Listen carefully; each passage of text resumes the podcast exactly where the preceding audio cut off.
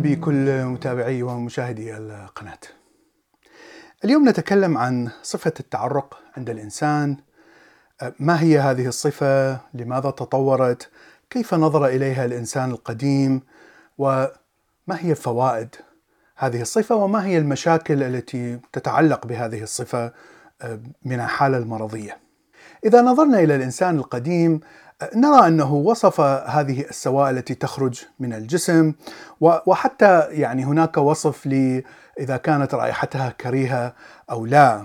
طبعا لكن الإنسان القديم لم يعرف ما هي هذه السوائل، لماذا تخرج من الجسم، وأعتقد أن كان هناك كثير من الخرافات المتعلقة بهذه السوائل وقد يربط الإنسان هذه الرائحة الكريهة مثلا بالأشياء السيئة أو الشريرة داخل الجسم أو داخل الروح. من جهة معينة نرى أن هناك تقديس لهذه السوائل أو للعرق، فمثلا في اليونان القديمة في أثينا كان هناك بطولات أولمبية فكان هناك رجال يحملون الجسم العضلي المتماثل، فكانوا يجمعون تعرق هؤلاء الرجال تحت التدريب وكانوا يبيعون في الأسواق بأسعار غالية جدا وكانوا يستعملونها حتى تمدهم بالصحة أو شيء من الصحة التي يتمتع بها البطل الأولمبي. وهناك نبات أو شجرة تسمى شجرة المر وهذه كلمة من اللغة العربية كانت تزرع في إثيوبيا، الصومال واليمن وهذه المادة التي تستخرج من الشجرة كانت تستخدم كعنصر أساسي في العطور والزيوت حتى وصفها المصريين بأنها عرق الآلهة، لأن هذه المادة تدخل في صنع العطور الطيبة كانوا يتخيلون أن الآلهة تتعرق عرق طيب. حتى هناك أحاديث في الإسلام لا أعرف إذا كانت صحيحة أو لا، صحتها غير مهمة، المهم أن الناس تناقلوها يعني خلال فترة طويلة خلال مئات سنين أن الناس في الجنة يتعرقون عرق رائحته زكية. بمعنى أنك عندما تكون نقي نقاوة خالصة ولا يوجد فيك أي شيء من الشر أو الشيطان فإن العرق الذي يخرج منك سيكون عرق رائحته طيبة.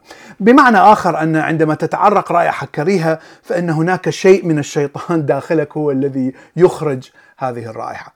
من ناحية أخرى المصريين كانوا أول شعب يطور هذه العطور حتى يتطيب ويتغلب على هذه الرائحة الكريهة التي تخرج من الأجسام، وصناعة هذه العطور والعادة أن يتطيب الإنسان بهذه العطور انتقلت من من مصر إلى كل العالم بما فيها طبعا الرومان والإغريق ونرى أنها انتشرت بشكل كبير في الشرق الأوسط أيضا حتى بعد مجيء الحضارة الإسلامية وانتهاء بالحمامات التركية التي انتشرت في العصر العثماني. وفي نفس العصر العثماني كانت أوروبا قد تخلفت عن عادة التغسل والتحمم والتطيب لأن الأطباء متأثرين طبعا بأفكار المسيحية والكنسية المتخلفة كانوا يظنون أن الماء شيء مضر والكنيسة كانت تنظر إلى العري لأنك عندما تذهب إلى الحمام العام يجب أن تتعرى حتى تتغسل. كانت ترى أن العري شيء مقزز وقذر ومن الشيطان. ولهذا اختفت الحمامات واختفى التعطر في أوروبا فقط الناس الأغنياء جدا أو النبلاء يستطيعون أن يشتروا هذه العطور الغالية من الشرق الأوسط التي كانت منتشرة طبعا هناك. طيب اذا ما هو التعرق؟ الآن نعرف أن التعرق هي ميكانيكية مهمة جدا لتنظيم حرارة جسم الإنسان. حرارة الإنسان تقتصر على محدود ضيق جدا من الدرجات المئوية بحيث إذا ارتفعت أو إذا انخفضت سيصبح هناك مشاكل كثيرة في الجسم وطبعا ستؤدي إلى الموت لأن الخلايا لا تستطيع أن تعمل. التفاعلات الكيميائية لا تعمل في درجات عالية أو درجات منخفضة داخل الجسم. فصفة التعرق هي تعمل بميكانيكية فيزيائية بسيطة جدا أن التعرق هو سائل يخرج إلى الجلد وهذا السائل يتبخر وبتبخر هذا السائل سيبرد الجلد ومن ثم هذه الحرارة ستفقد من الدم الذي يسري تحت الجلد ومن هنا الدم سينتقل إلى باقي أنحاء الجسم ويبرد الجسم كله. فإذا هناك نوعين من الغدد العرقية. النوع الأول ما يسمى بالعرقية العامة وهي منتشرة تقريبا في كل الجسم وما تسمى بإفراز ندحي بمعنى أن العرق الذي يخرج من هذه الغدد يتبخر بشكل سريع وهناك تركيز كبير من هذه الغدد على باطن الكفين وباطن القدمين. النوع الآخر ما يسمى بالإفراز القمي أو الغدد العرقية الخاصة وهي موجودة تحت الإبط وقريبة من الأعراض التناسلية. هذه الخلايا تفرز آه، عرق لا يتبخر بسرعة. وطبعا نحن نعرف أن آه، هناك رائحة قوية أكثر قد تكون رائحة كريهة أكثر آه، في هذه المناطق نتيجة لوجود بكتيريا. وهذه البكتيريا تتغذى على الخلايا الميتة التي تنتج من من طبقات الجلد. وفضلات هذه البكتيريا هي التي تسبب الرائحة الكريهة. والعضو الذي يسيطر على درجة الحرارة ويسيطر على كل الغدد العرقية في الجسم هو الهايبوثالاموس الموجود في الدماغ. والهايبوثالاموس آه، تأخذ الإشارات من الأعصاب المنتشرة في الجلد حتى آه، التي تقيس درجة الحرارة. ومن هنا تعرف أن آه، إذا كانت درجة الحرارة الجسم بدأت بالانخفاض أو بالزيادة. و بناء على ذلك فهي فهي تبعث بإشارات آه، حتى إلى الأوعية الدموية القريبة من الجلد إما أن تتضيق أو تتوسع آه، حسب آه، الهدف. وهذه الميكانيكية طبعا نراها موجودة في الحيوانات ليس فقط في الإنسان، خاصة حيوانات ذوات الدم الدافئ مثل اللبائن والطيور.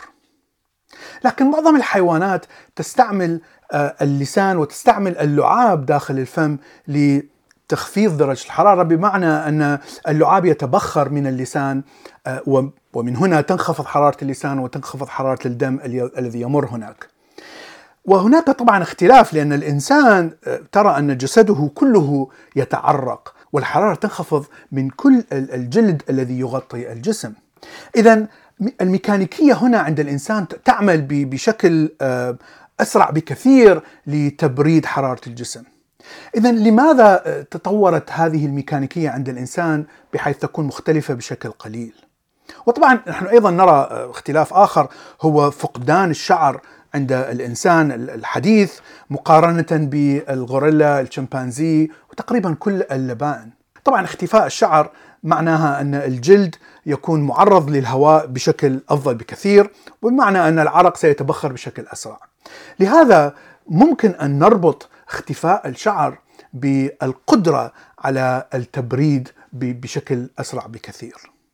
ونحن نراها أيضا في السجل الحفري، فكل الأنواع التي تطورت من العنصر المشترك ما بين الإنسان والشمبانزي فمثلا اوسترالوبيثيكس الذي تطور تقريبا من 4 إلى 3 ملايين سنة ماضية، نرى أن هناك شعر أكثر آه، على هؤلاء الأنواع. ومن ثم عندما نتقدم بالزمن إلى الجنس الهومو والذي تطور تقريبا مليون ونصف أو مليونين سنة ماضية ترى هومو هابيلس الركتوس آه، وبنفس الوقت ترى القدرة على الركض آه، أصبحت أفضل وأفضل. بمعنى أن الحوض العظام الساقين التي ترتبط بالحوض والعمود الفقري أصبح أكثر منتصب أسهل للركض وهذه التحورات آه، انتقلت بشكل بسيط وبطيء جدا خلال كل هذه الملايين السنين. والافتراضية أن الإنسان استطاع أن يصيد الحيوانات، طبعا قدرة الإنسان على صيد الحيوانات الكبيرة، الوعل، الثيران، الغزلان، اعتمدت على آه، طبعا صنع الإنسان للأسلحة من الأحجار.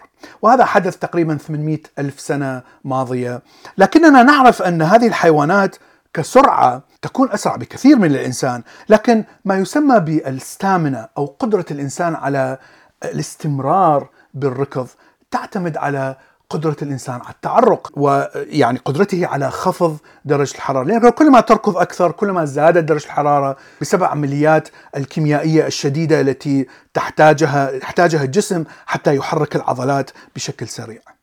فنتيجة لزيادة هذه الحرارة الحيوانات الكبيرة تحتاج إلى التوقف بعد مثلا الركض لمدة خمس دقائق أو عشر دقائق. تحتاج إلى التوقف حتى تنخفض درجة حرارتها. لكن الإنسان لا يحتاج إلى ذلك. وهذا نراه الآن في بطولات الماراثون. الإنسان يركض 30 40 كيلومتر بدون أن يتوقف لمدة طويلة ويستطيع أن أن يفعل هذا بالركض البطيء جدا. ونعتقد أن هذه هي الطريقة التي كان يصيد بها الإنسان الحيوانات القديمة بحيث قد تستمر عملية الصيد لمدة عدة ساعات أربع أو خمس ساعات لكن في نهاية هذه الفترة سترى أن هذا الحيوان لا يستطيع أن يركض وهنا سيستطيع الإنسان أن أن يقتله ويستخدمه كطعام. وطبعا استخدام الإنسان لهذه الطريقة الحصول على الطعام اللحم يعني كان دافع كبير لتطور الدماغ وقدرة الإنسان على البقاء على الحياة لأنك إذا أكلت كمية صغيرة من اللحم تستطيع أن تبقى على قيد الحياة مدة مثلا ثلاثة أيام بدون أن تأكل أي شيء. إذا ما هي مشاكل آه، هذه الميكانيكية؟ هناك مجموعة من الأمراض التي تؤثر على نمو إحدى مكونات الجلد. طبعا آه، أحد الأساسي من مكونات الجلد هو وجود الغدد العرقية. وهذه هذا الخلل يحدث خلال آه، تكون الجنين. وقد يكون سببه وراثيا. لكن المشكلة عندما لا تنمو هذه آه، الغدد العرقية فطبعا يفقد الإنسان قدرته على التعرق ومن هنا يفقد الإنسان قدرته على آه، تحمل الجو الحار بحيث لا يستطيع أن يخفض درجة الحرارة، وعادة هؤلاء الناس آه، يتعرضون لنفس أعراض ضربة الشمس وهي دوخان، عدم وصول الدم إلى الدماغ ووصول إلى حالة الإغماء، وإذا لم ينخفض حرارة الجسم فإنهم طبعا يموتون في النهاية. ولهذا أحد أساليب العلاج أنهم يرشون الماء على جسمهم عندما تكون درجة الحرارة أعلى بقليل جدا آه، حتى يتبخر الماء وتبرد أجسامهم بالضبط كما تفعل ميكانيكية العرق. من ناحية أخرى هناك آه، أمراض التعرق المفرط وهذه آه، طبعا تكون حالة معكوسة أن الغدد العرقية تفرز عرق أكثر من اللازم لأن الإشارات العصبية التي تحفز هذه الغدد آه، تعمل طبعا بشكل غير طبيعي. وهذه تحدث نتيجة لأمراض كثيرة مثل السكري، اضطراب الغدة الدرقية، ثايرويد أو سكتة قلبية أو حتى أمراض الجهاز العصبي. المشكلة أن عندما تحدث هذه الحالة فإنك يعني لا تستطيع أن تعمل أعمالك اليومية البسيطة لأنك لا تستطيع أن تمسك بقلم أو بكأس ماء فهناك كثير من الأدوية اللي تعالج هذه الحالة لكن لديها كثير من العوامل الجانبية السيئة. وهناك علاج أبسط ما يسمى بال Botox injection وهي حقن مادة البوتوكس وهي المادة التي تستعمل في إزالة التجاعيد من الوجه. طبعا هذه المادة عندما تحقن في اليدين فهي تمنع وصول العرق إلى الخارج وبهذا فهي تقلل من من هذا التأثير. لكن طبعا آه، هذه المادة تزول بعد عدة أشهر من الجلد ولهذا يجب أن آه، تكون عملية الحقن مستمرة. في النهاية مع أن التعرق شيء غير مستحب ونحاول نضع عطور كثيرة وروائح حتى نخفي هذا الشيء لأنه نعتبره شيء مزعج لكنه كان شيء أساسي ومهم جدا في تطور الإنسان آه، خلال ملايين السنين وأيضا الآن يعني هي ميكانيكية مهمة جدا حتى نبقى على قيد الحياة لأنها تنظم درجة حرارة الجسم. أرجو أن يكون هذا الفيديو مفيد، شكرا لكم وإلى اللقاء في حلقة.